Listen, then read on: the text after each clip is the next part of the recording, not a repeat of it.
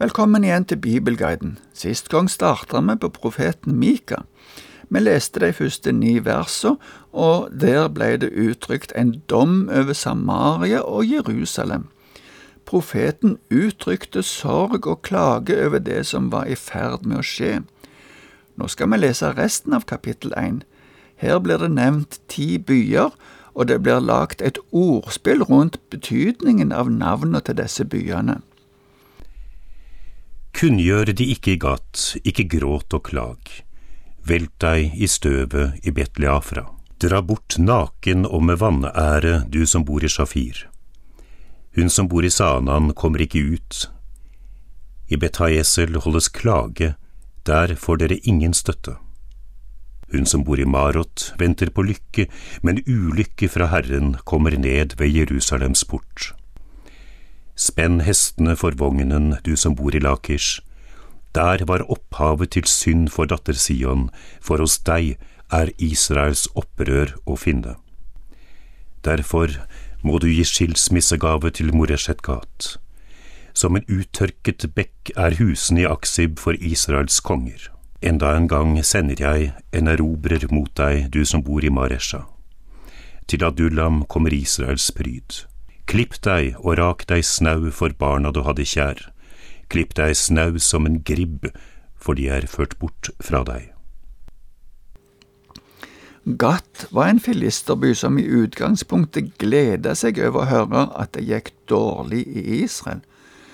Da David sang en sørgesang over Saul og Jonathan i andre Samuels bok kapittel 1, brukte han akkurat dette uttrykket og sa at da ville filistrenes døtre glede seg og de uomskårnes døtre juble. Det hebraiske ordet som brukes for å fortelle eller forkynne i denne setningen, inneholder også stavelsen gat. Den neste byen som nevnes er Bet Leafra. Det var en by i Benjamin, og navnet betyr støvby eller støvhus. Til deg blir det sagt at de skal velte seg i støv som et tegn på ødeleggelsen. Så nevner Mika Shafir. Det betyr skjønnhet, men om denne byen blir det sagt at de skulle gå ut naken og med vanære. Skjønnheten var borte. Saanen betyr utrykning, og det er et uttrykk som viser til sauer eller folk som går ut på egen hånd. Men nå kommer de seg ikke ut, sier Mika i dette ordspillet. Bet Haesel betyr egentlig nabohuset. Det gode forholdet med støtte mellom naboer ville ikke lenger fungere.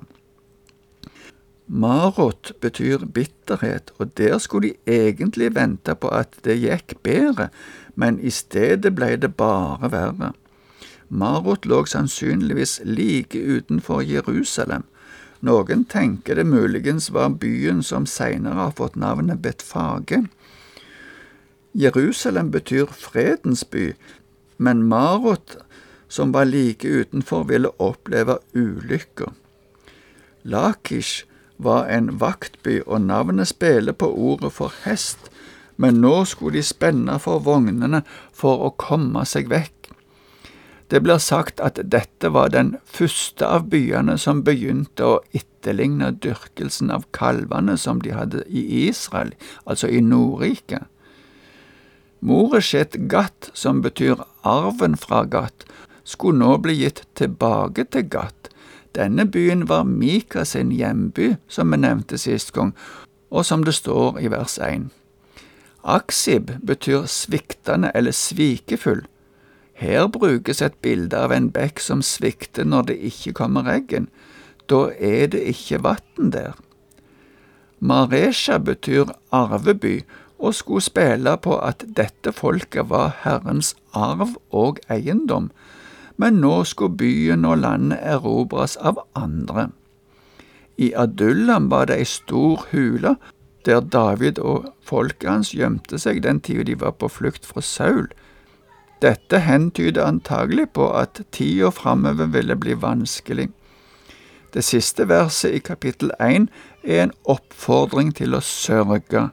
Det kommer til å bli ei vond og vanskelig tid når Herren holder dom. Vi kunne sikkert sagt mer om disse navnene, men nå må vi gå videre til det andre kapitlet hos Mika. Vi skal lese de første elleve versene der.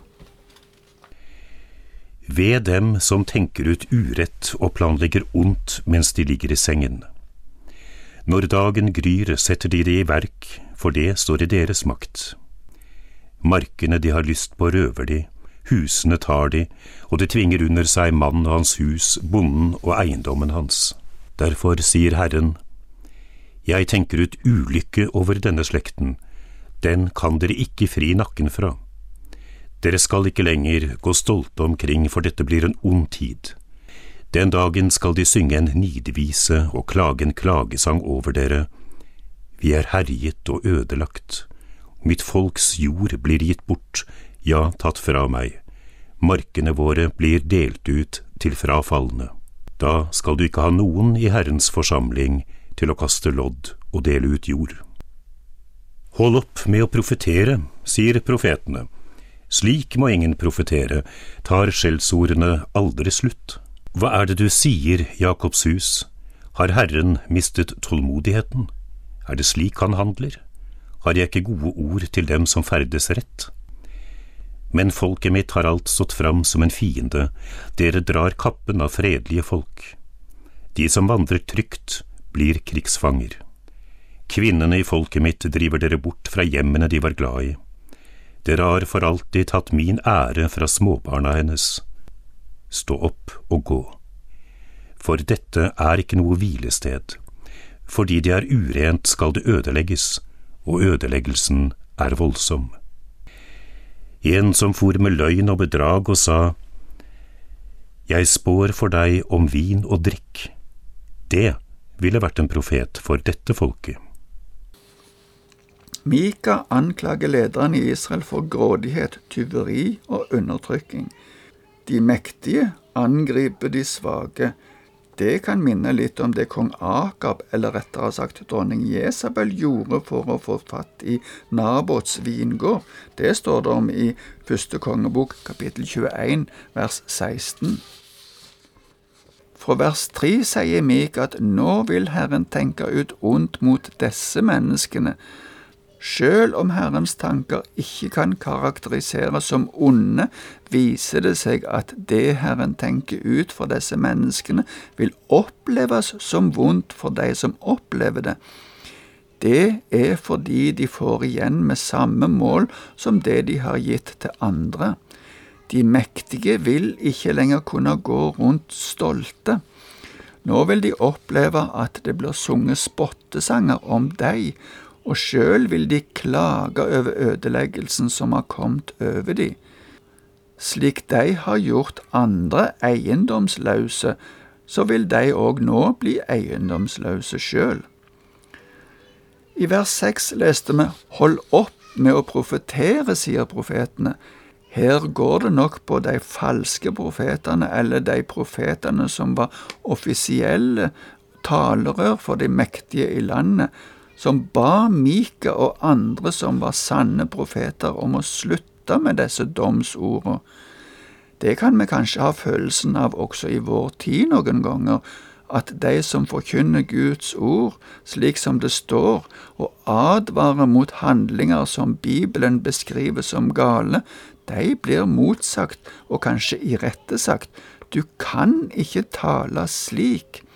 Eller de sier at Gud er ikke slik som du sier, for Gud er kjærlighet, og Gud gjør ikke slike vonde ting som det du beskriver i den harde talen om dom. Mika beskriver at folket som egentlig skulle være Guds folk, nå har blitt Guds fiende. De mektige tar seg brutalt til rette overfor de fattige. Dette er så alvorlig at Gud sier gjennom Mika at de må bare dra bort. Gud vil ikke lenger ha noe med deg å gjøre. Vi ser gjennom hele Bibelen at slik handler Gud. Han vil gjerne at vi skal komme til Han. Han innbyr gang på gang men når menneskene ikke vil komme, så advarer Gud flere ganger, og til slutt, hvis de fremdeles ikke kommer for å ordne opp sin sak, så ber han de bare gå bort ifra hans nærhet. Men sjøl om det kommer en dom, så ser vi mange ganger at Gud allikevel vil frelse en rest. Det ser vi òg litt om i resten av dette kapitlet, og vi skal lese de siste to versene òg, nemlig versene 12 og 13. Jeg vil samle deg, Jakob, hele deg.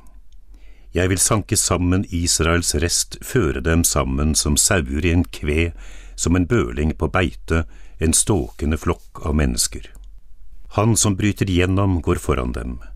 De bryter gjennom og drar ut av porten. Kongen deres går foran dem, Herren selv er i spissen for dem. Fra alle kanter vil Gud etterpå samle sitt folk. Det kommer til å bli en stor flokk som samles. Og her sies det at kongen deres, som er Herren sjøl, vil gå foran, eller lede de. Det kan se ut som at denne profetien er mer total enn det som skjedde når Israel kom tilbake fra fangenskapet. Det viser kanskje til den siste tida, og kanskje gjelder det mer enn bare Israel. Guds folk er alle som følger denne kongen. Det var det vi rakk i dag. Takk for nå, og Herren være med deg.